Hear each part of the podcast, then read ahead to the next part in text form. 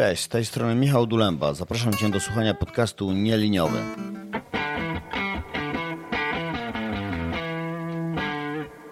Będziemy tu rozmawiać o machine learning, programowaniu i zarządzaniu projektami korzystającymi ze sztucznej inteligencji. Jeśli pracujesz w tej branży, chciałbyś zacząć lub Twoja firma rozważa wykorzystanie tych technologii, jesteś w dobrym miejscu. Zapraszam Cię serdecznie.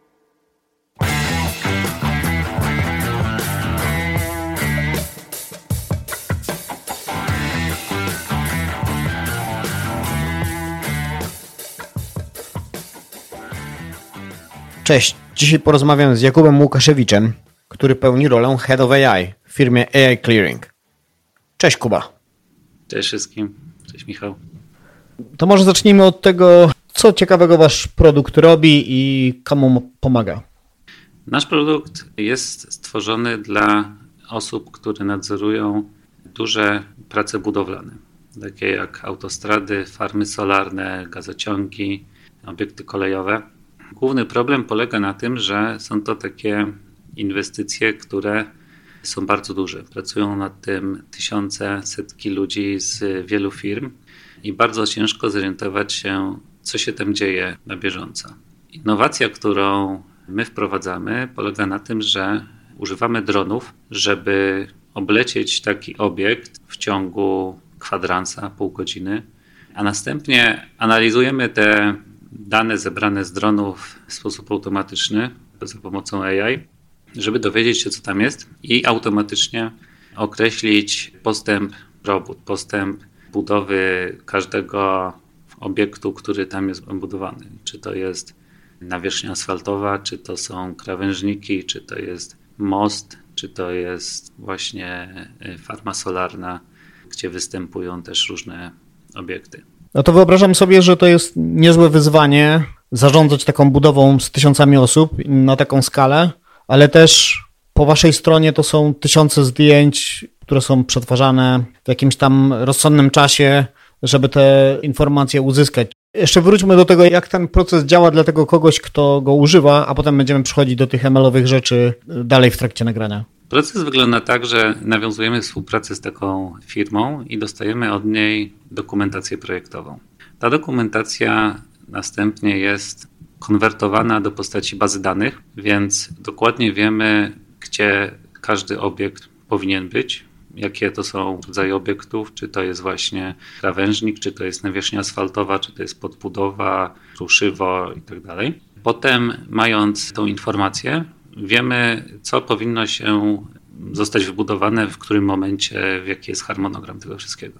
Następnie latamy tymi dronami. Tutaj albo klient lata we własnym zakresie, własnym sprzętem, albo mamy firmy, które z nami współpracują. No i takie inspekcje odbywają się raz na tydzień, raz na miesiąc, u niektórych klientów nawet codziennie. Z takiego nalotu dronem mamy tysiące zdjęć, właśnie tak jak mówiłeś, wysokiej jakości. To są zdjęcia na przykład 8000 na, na 6000 pikseli. No i te zdjęcia muszą zostać przeprocesowane, połączone w całość, żeby było wiadomo na co patrzymy, bo dron sam w sobie ma bardzo taką zgrubną lokalizację za pomocą GPS-a, za pomocą systemu RTK, który też pomaga mu poprawić trochę te, te wyniki tego GPS-a. I te zdjęcia trafiają do procesu fotogrametrycznego, gdzie te tysiące zdjęć e, jest procesowane na, na dość mocnej maszynie, na kilku kartach graficznych. Te zdjęcia są łączone w całość, jak puzzle, tutaj za pomocą feature matchingów i jest tworzona rekonstrukcja 3D tego całego mm, sajtu. Więc tutaj jest jakiś bundle adjustment, jest budowanie chmury punktów.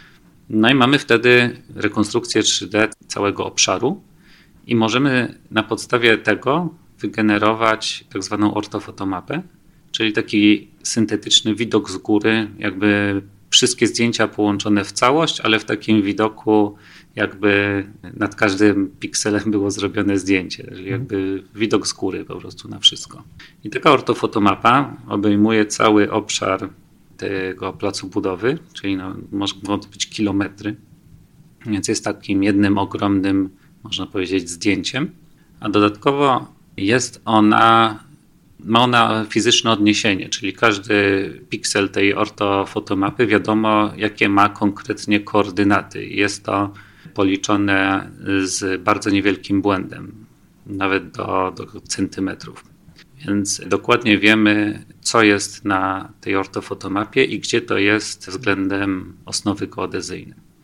Więc jest to bardzo ciekawy, bardzo technologicznie intensywny proces, który dla nas jest tak naprawdę początkiem całej podróży.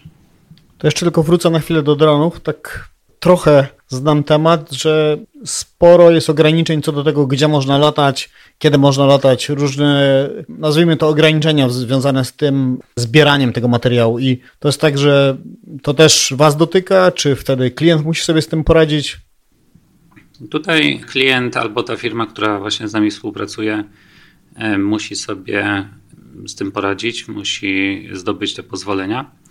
To zależy od y, kraju, w którym jest to nalatywane, bo my działamy globalnie, działamy w kilkudziesięciu krajach na całym świecie, więc te reguły bardzo się różnią. Co ciekawe, w Polsce są jedne z najbardziej łagodnych i przyjaznych dla droniarzy reguł prawa, więc w Polsce bardzo łatwo jest latać i, i zbierać takie informacje. To teraz jeszcze sobie pomyślałem, że Wspomniałeś o tym, że powiedzmy raz na miesiąc, a niektóre codziennie. Czy to zmierza ku temu, żeby taki progres móc też wprowadzić w kolejnych zdjęciach? No to zależy od charakterystyki placu budowy, mhm. jak duży to jest obszar, jak często te zmiany się pojawiają, jak wygląda harmonogram. Staramy się, żeby ustalić taki harmonogram nalotów, który będzie podążał właśnie za tymi zmianami, żeby dało się uchwycić to, co się dzieje na tym placu budowy. No ale są właśnie branże, które wymagają bardzo częstych nalotów, na przykład w górnictwie, w takich wielkich kopalniach odkrywkowych. Takie naloty potrafią się odbywać kilka razy dziennie. Bo widziałem kiedyś jakąś taką pokazówkę, w którym to oczywiście zupełnie inna skala, ale że na podstawie tych zdjęć można było oszacować wagę jakiegoś materiału, który gdzieś tam był składowany, czy, czy objętość. Może opowiedz też, do czego to służy tym osobom, które oglądają później te obliczenia.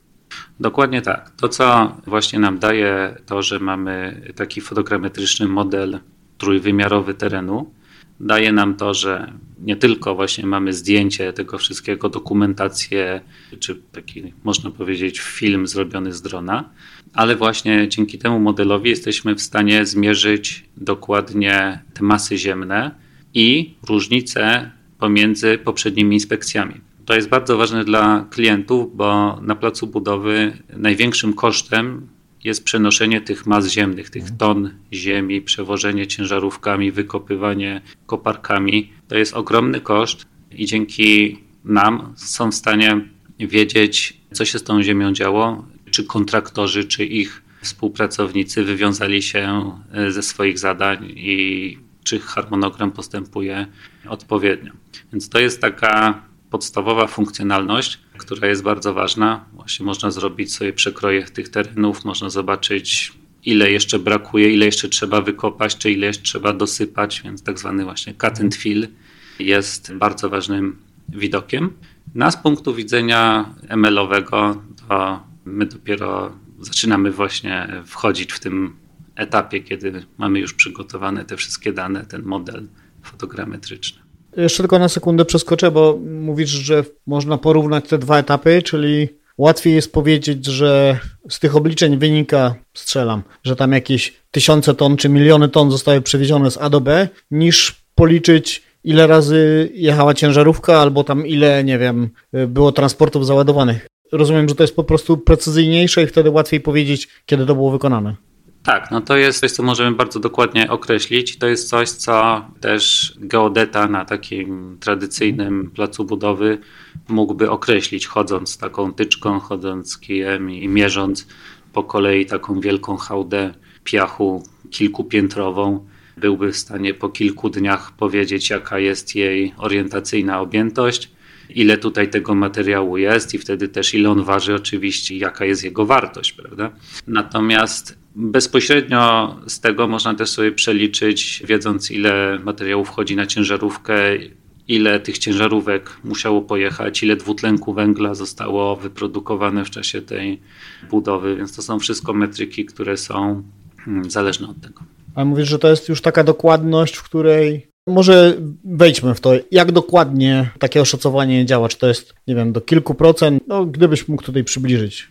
Tutaj to wszystko zależy od tego, jaka jest ta wielkość piksela, czyli jak nisko ten dron lata i to oczywiście określa też, jak dużo musi oblecieć tego obszaru. Więc jeżeli chcemy mieć wysoką dokładność rzędu jednego czy dwóch centymetrów na pikselu, no to ten dron musi lecieć z określoną wysokością, jeśli ma określoną rozdzielczość kamery i, i to wszystko oblecieć.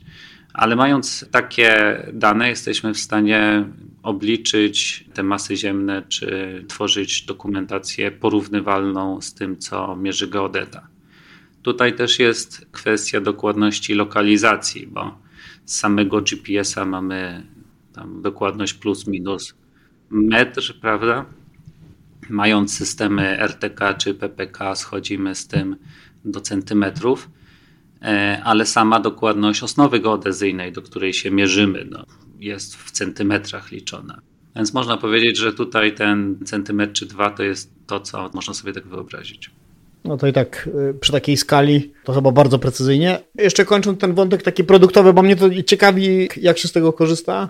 Czy mówimy tylko o takich budowach, w których ktoś buduje kilkadziesiąt kilometrów autostrady, czy jak buduje trzy kilometry drogi krajowej albo jakiejś tam drogi lokalnej, to, to dalej można z takiego systemu korzystać, czy wtedy to już jest za mała skala?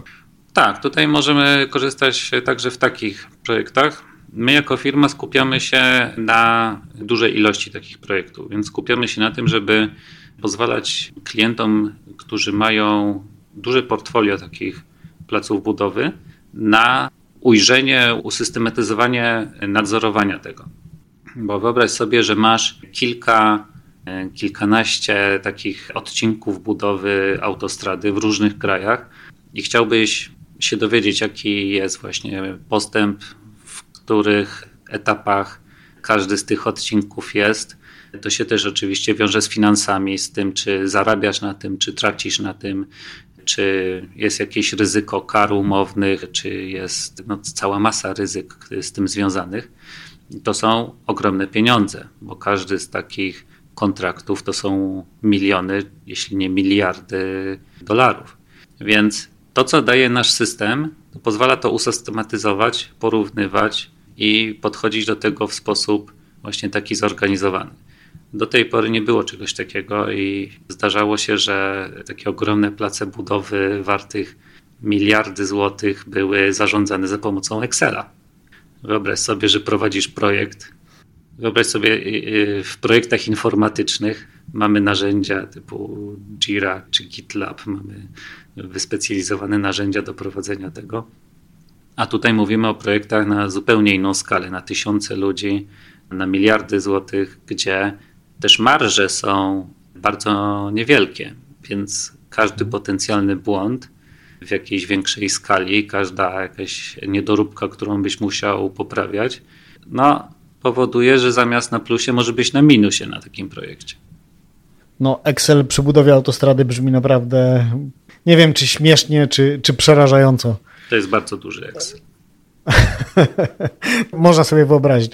No to teraz może przejdźmy do tego momentu, ok, macie te tysiące zdjęć, stworzyliście ten obraz, no i jak teraz powiedzieć, że zostało położone 300 metrów krawężnika i tyle i tyle metrów asfaltu.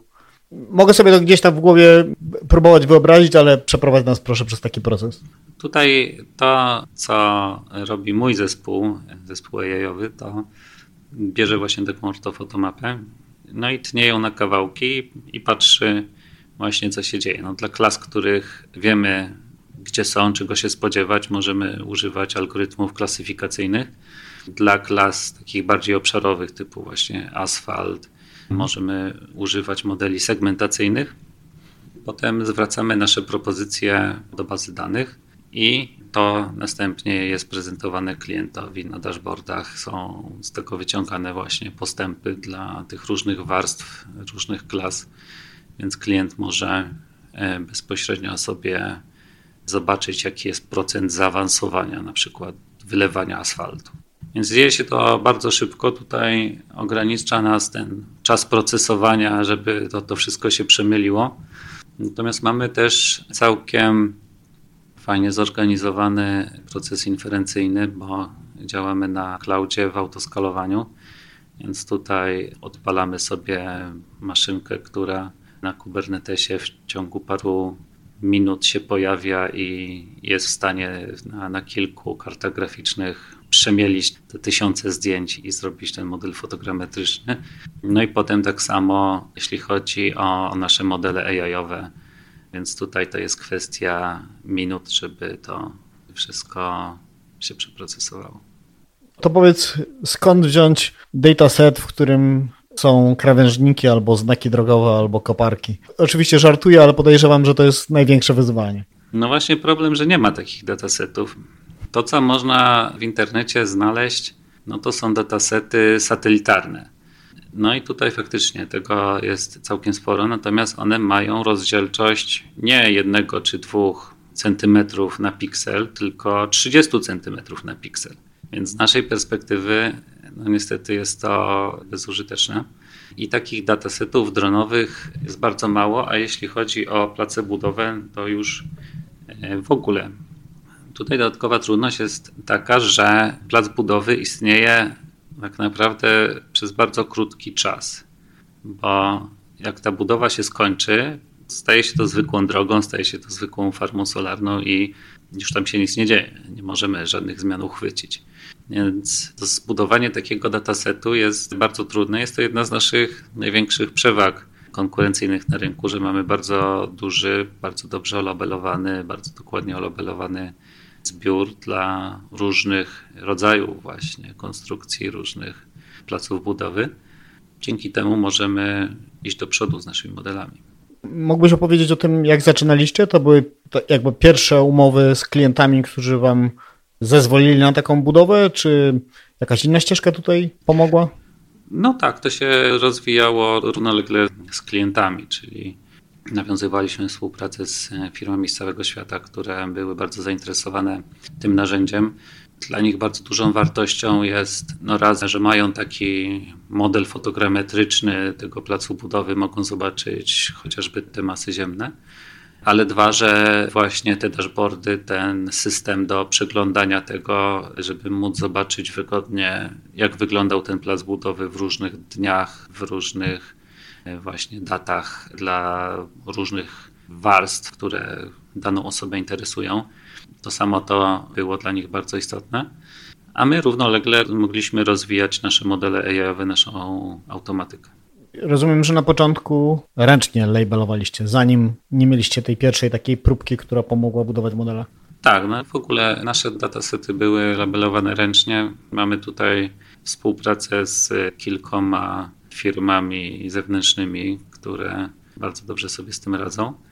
Ale przyznaję, że był to długi proces, żeby napisać mhm. odpowiednią instrukcję, żeby to dobrze przemyśleć, żeby zastanowić się, jak te klasy w ogóle powinny wyglądać. Zajęło to trochę czasu, żeby to dopracować. Było wiele wersji tego procesu, natomiast teraz już mamy całkiem dobrze pracowane to i jest to taka sprawnie działająca maszyneria.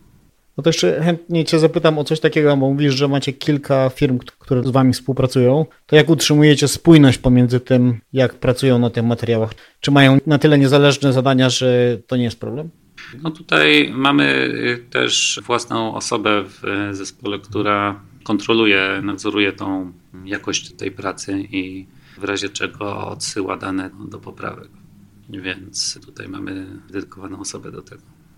Wspomniałeś o tym, że i modele klasyfikacyjne, i segmentacyjne, jakbyśmy mogli się zanurzyć, czy są to jakieś takie powszechnie znane, czy specjalnie przez Was projektowane do, do Waszych zastosowań, gdybyśmy mogli tutaj zejść na chwilę do takiego niższego poziomu.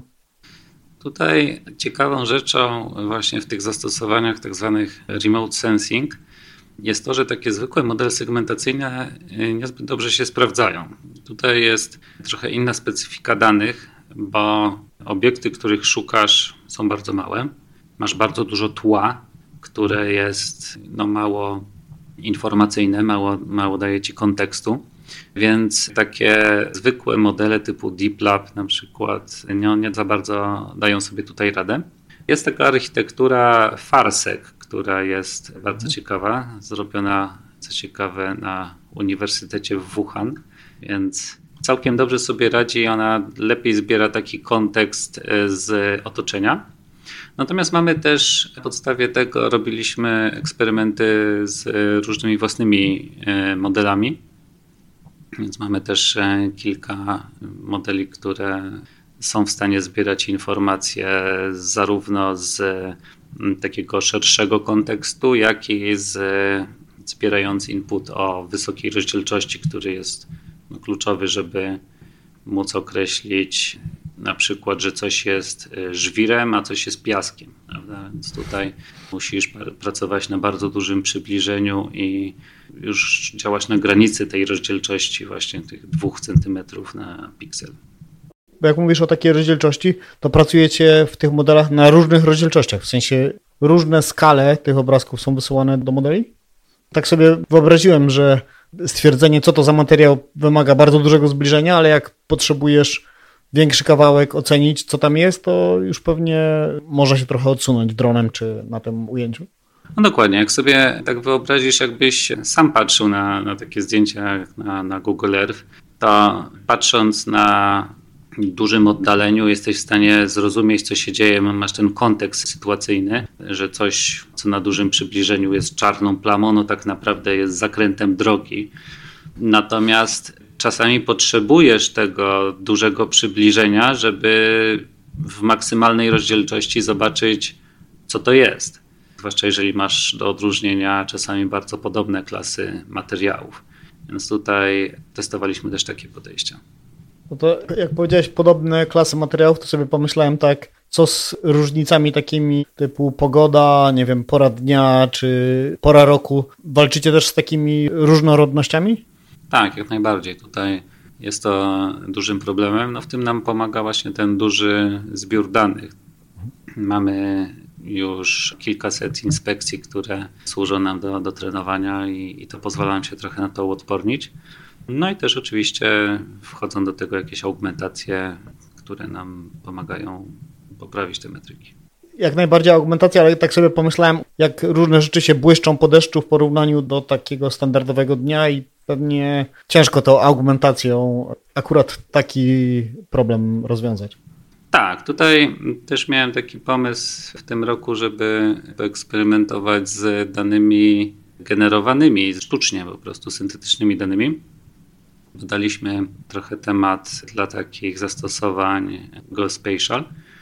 No niestety nam się z tym nie udało, bo wydaje się, że ten rynek jeszcze nie jest tak dojrzały, tak gotowy na to. Natomiast zaczyna się pojawiać całkiem sporo ciekawych narzędzi opartych o silniki do gier typu Unreal Engine czy Unity, które pozwalają ci wygenerować dość duże, no właściwie nieskończone ilości danych w różnych wariancjach, w różnych właśnie warunkach pogodowych. Możesz sobie włączyć deszcz, możesz włączyć różne rodzaje oświetlenia. Więc wydaje mi się, że jest to taki kierunek, który już niedługo będzie pozwalał na duże przyspieszenie takich procesów.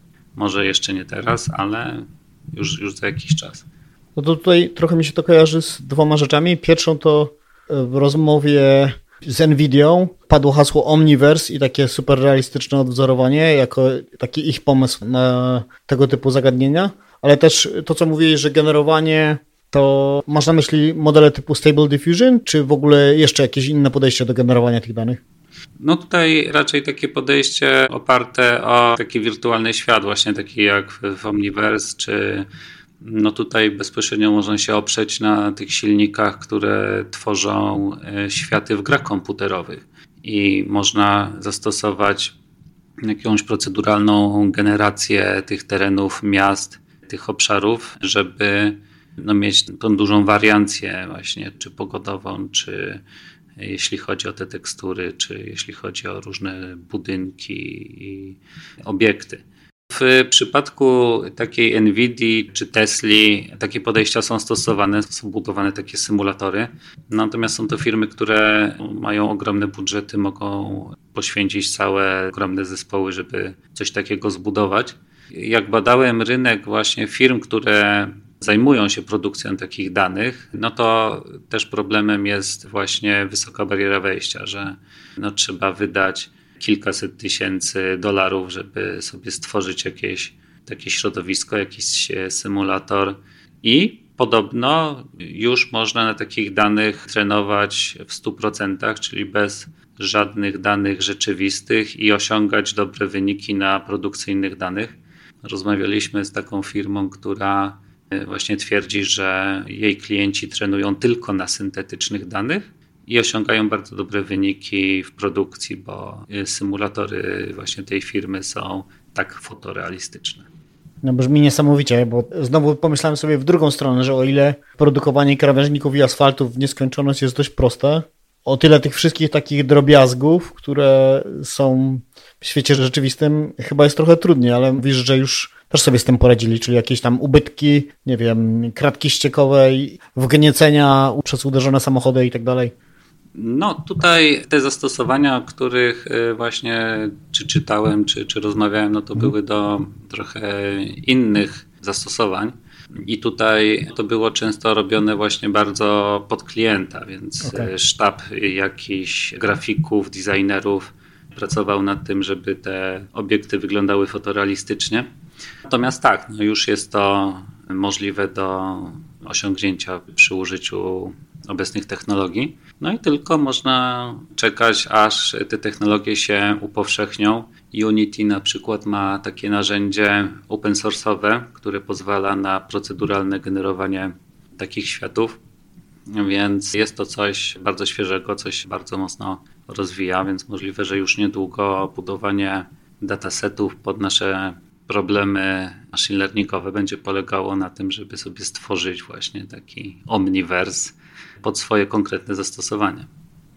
My teraz mieli, przeprowadzaliśmy taki mały eksperyment, w którym właśnie Stable Diffusion generowaliśmy, ale jeszcze była drobna różnica pomiędzy, jednak tam są takie nieścisłości, nawet czasami widać na tych grafikach, że załóżmy jakaś bryła przechodzi w inną tak płynnie, no bo w sumie wygląda to dość ładnie, ale fizycznie to jest niemożliwe, więc jeszcze są jakieś tam bariery tutaj do poprawienia, ale tak jak mówisz, to może być za rok, do za dwa już rozwiązane.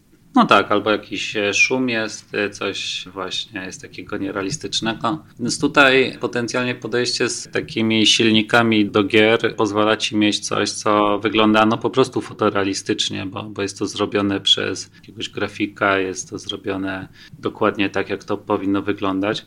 Są całe sklepy, gdzie można sobie takie modele w ogóle kupić właściwie wszystkiego, co sobie wymarzysz, no bo to są rzeczy używane po prostu w przemyśle gier czy w filmach animowanych i tysiące takich e, rzeczy powstało albo za darmo, albo za jakieś drobne kwoty można sobie pościągać, więc temat jest bardzo ciekawy.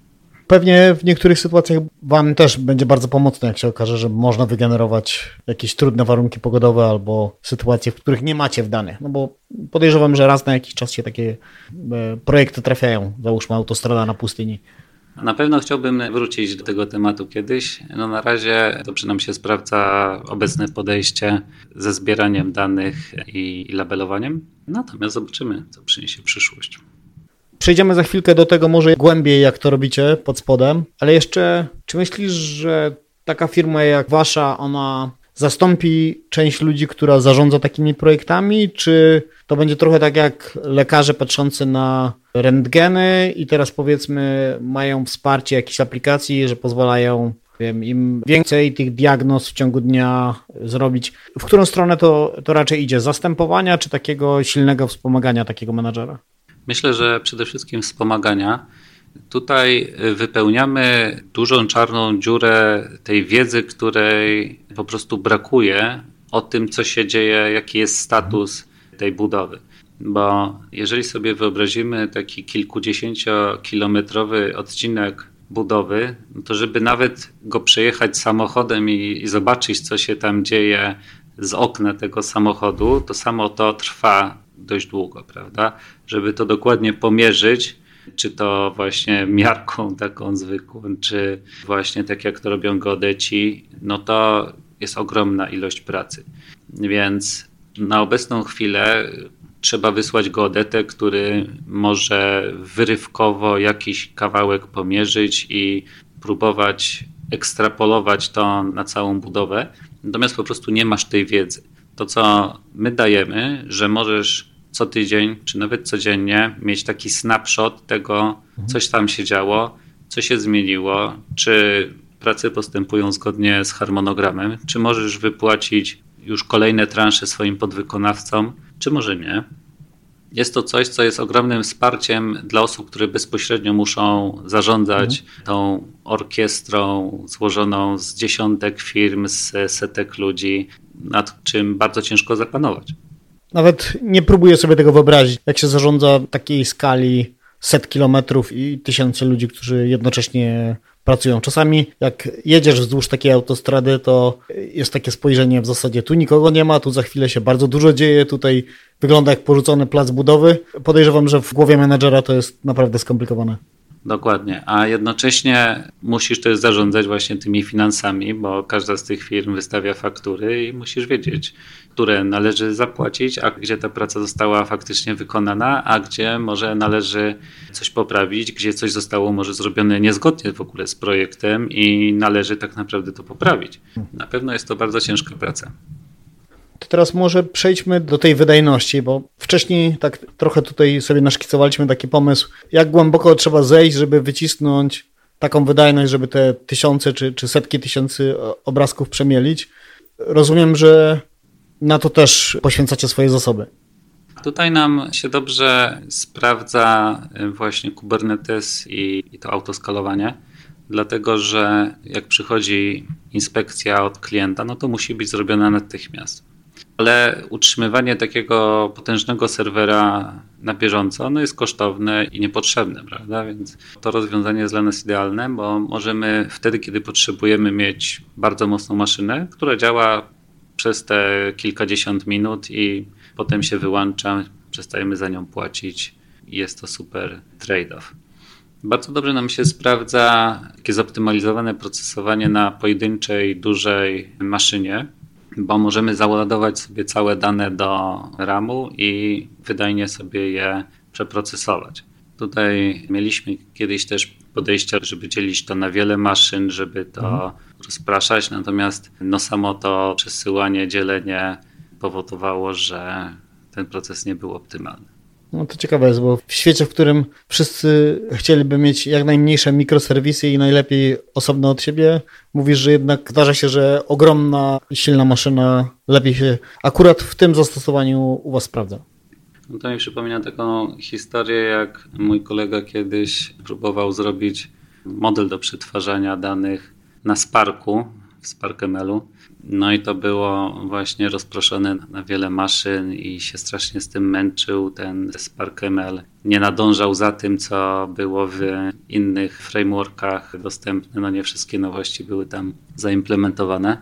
A potem doszedł do takiego wniosku, że tak naprawdę cały jego dataset to jest 60 gigabajtów danych. Więc te 60 gigabajtów danych tak naprawdę się zmieści w ramie takiego jednego dużego serwera, który ma 200 giga RAMu. No i załadował to po prostu do serwera, spalił sobie Scikita i w ciągu paru godzin rozwiązał problem, nad którym się męczył tygodniami. Więc to jest właśnie taki przykład, że czasami właśnie wzięcie jednej dużej maszyny pozwala ci osiągnąć dużo lepsze wyniki. Ale rozumiem, że ten RAM to jest jedna część, ale też ta maszyna ma tam kilka kart, czy kilkanaście kart? Tak, mamy kilka kart, na, na których możemy sobie robić inferencje. To jeszcze zapytam tak, no bo jak masz powiedzmy taką ilość danych, to jest tak, że dbacie jakoś, czy, czy piszecie jakiś customowy kod do, do takiej równoleglenia tych obliczeń, czy korzystacie z jakiegoś konkretnego narzędzia, które, nie wiem, mógłbyś polecić, że to się akurat do takich pomysłów sprawdza? No na pewno dobrze nam się pracuje z NVIDIA DALI. Jest hmm. bardzo fajna biblioteka do preprocesowania danych. No i z PyTorcha. W PyTorchu bardzo łatwe jest czy trenowanie na kilku kartach, czy rozwijanie tych modeli. To jest taki standard. No to teraz jeszcze się zastanawiam nad tym, czy to są gigabajty, terabajty? Jeżeli możesz skalę tutaj ilości tych obrazków i czy, czy właśnie klienci też wymagają, żeby trzymać oryginały w nieskończoność, więc może to już są, nie wiem, petabajty. No tutaj nalot na taką jedną budową, no to są kilkanaście, kilkadziesiąt gigabajtów. Są tego rzędu wielkości, a jeśli chodzi o przechowywanie danych, no to zależy już od naszej umowy z klientem, jak jest skrojona, czy mają być jakieś ograniczenia, jeśli chodzi o trzymanie tych danych, na przykład w jakimś regionie geograficznym, czy właśnie jest to ograniczone czasowo. Więc to jest już bardzo zależne. Mamy bardzo elastyczny model biznesowy mhm. pod tym względem. To klienci sugerują, której chmury użyć? Czy wy wybieracie, albo czy macie jakiś klucz typu do określonych pomysłów lepszy jest AWS, a do innych? Tutaj klientów wiążą po prostu ograniczenia regulacyjne, no, na przykład właśnie, że dane nie powinny wychodzić z Europy czy ze Stanów. Więc tu bardziej chodzi o region. Ale też nawet jeżeli ci prowajderzy chmurowi są pod wieloma względami porównywalni, no to nie wszystko działa we wszystkich tak samo, więc macie jakiś swój ulubiony, czy raczej dostosowujecie do jakiegoś może pipeline'u, który ma klient? No nie wiem, czy jest tu jakiś klucz wyboru tego? Nie, nasza infrastruktura jest oparta o jedną chmurę, więc tutaj właśnie dane klienta są, są w jednej konkretnej chmurze. Jeśli chodzi o development, to testowaliśmy różne, więc takie środowisko deweloperskie mogę z doświadczenia polecić Google Clouda, głównie dlatego, że bardzo łatwo jest tutaj dostać dużą liczbę kart graficznych.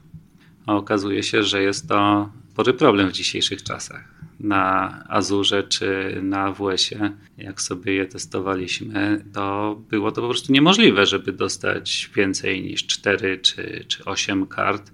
Trzeba było się bardzo prosić z supportem, składać tikety o jeszcze jedną, o jeszcze dwie. Jeśli chodzi o możliwość skorzystania ze spot instancji, no to po prostu to nie działało w ogóle. A nawet jeśli chodziło o takie zwykłe instancje on demand, to czasami trzeba było czekać nawet 20 godzin, żeby się dostać. Natomiast na Google Cloudzie bardzo dobrze mamy doświadczenie zarówno z zwykłymi instancjami, jak i spot instancjami. Możemy w ciągu chwili powiększyć klaster z 0 do 100 kart graficznych bez żadnego problemu i równie szybko go zamknąć. Więc jeśli chodzi o trenowanie modeli, jeśli chodzi o przeprowadzanie jakichś dużych ewaluacji, które nam dają wgląd w to, jak ten model tak naprawdę performuje w różnych warunkach, no to jestem bardzo zadowolony. Ale to jest kwestia tego, że tam ci prowajderzy mają w określonych regionach tylko te karty, czy to niezależnie od regionu spotkaliście się z takimi kłopotami? właściwie niezależnie od regionu. Tutaj ten support zasłania się po prostu tym brakiem dostępności zasobów, który według nich występuje globalnie, więc nie wiem na czym polega ta różnica pomiędzy prowajderami. No wygląda na to, że Google się dużo lepiej przygotował pod tym względem.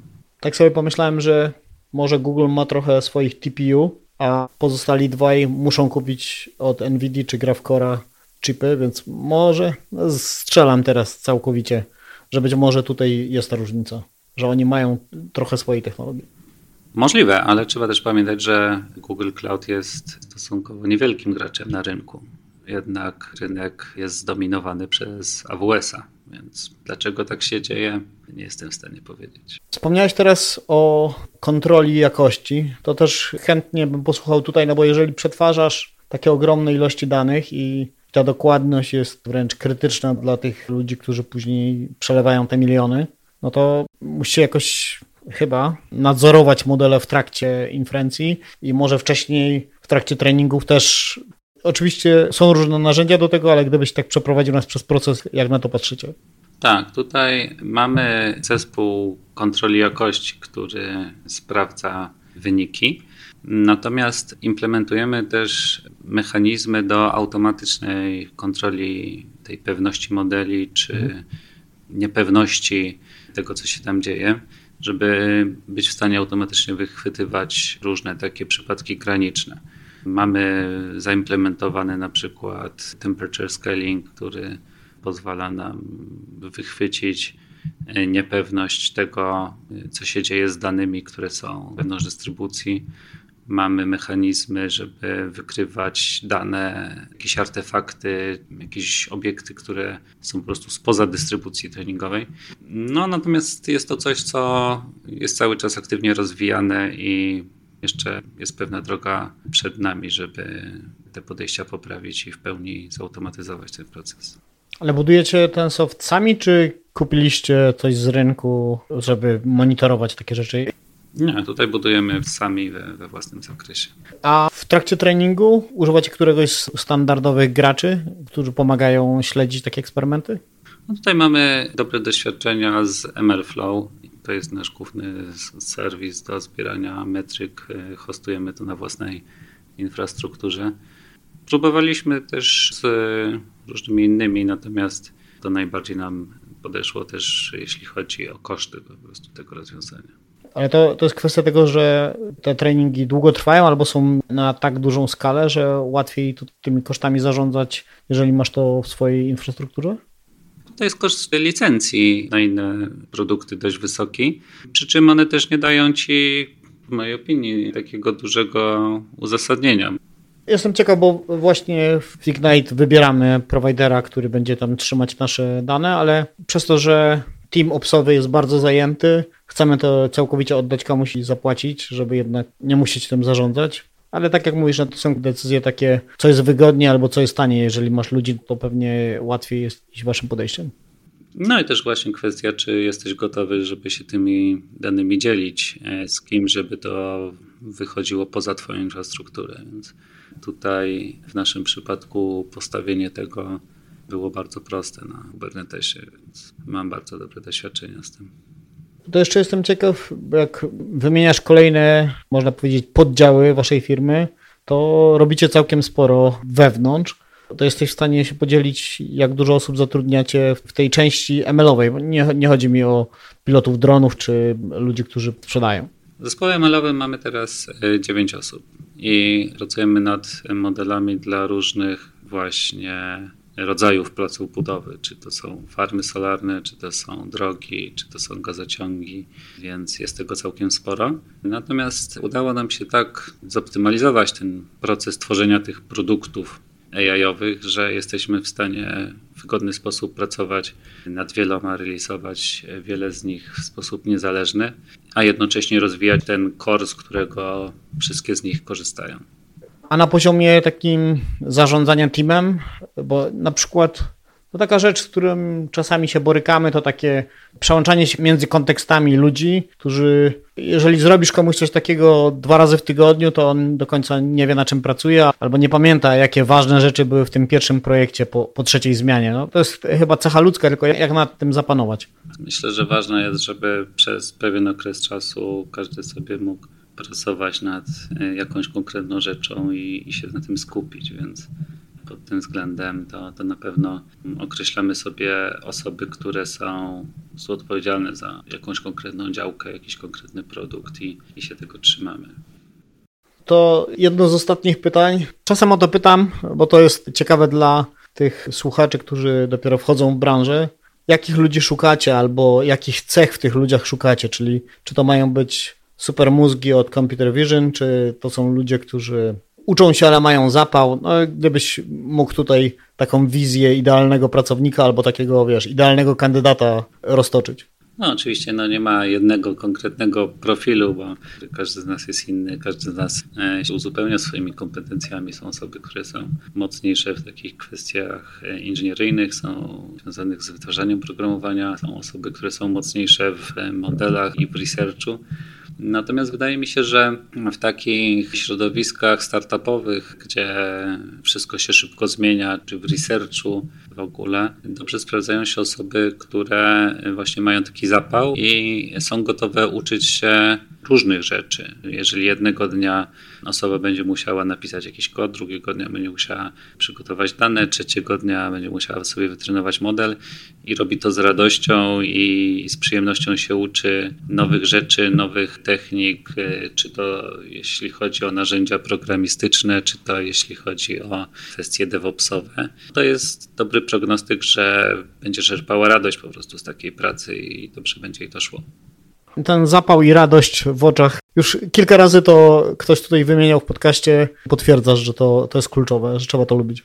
Jak najbardziej. No, mam e, bardzo dobre doświadczenie z ludźmi z różnych backgroundów właśnie. Najważniejsza, bym powiedział, jest ta chęć do nauki i tego, żeby się rozwijać, no bo tutaj tak naprawdę wszystko się wokół nas tak szybko zmienia, że wszyscy startujemy na bieżąco z tego samego poziomu. Jeżeli sobie pomyślimy, że, że takie Stable Diffusion ma dwa miesiące, a już tak wiele się zmieniło w ciągu tych dwóch miesięcy, no trzeba nad tym wszystkim nadążać po prostu. Bardzo mi się podoba to zdanie, że wszyscy prawie, że startujemy z tego samego poziomu. Znaczy, tak prawie, puszczam tu takie małe oko, bo jednak trochę doświadczenie pomaga, ale tak jak mówisz, tempo zmian jest niesamowite.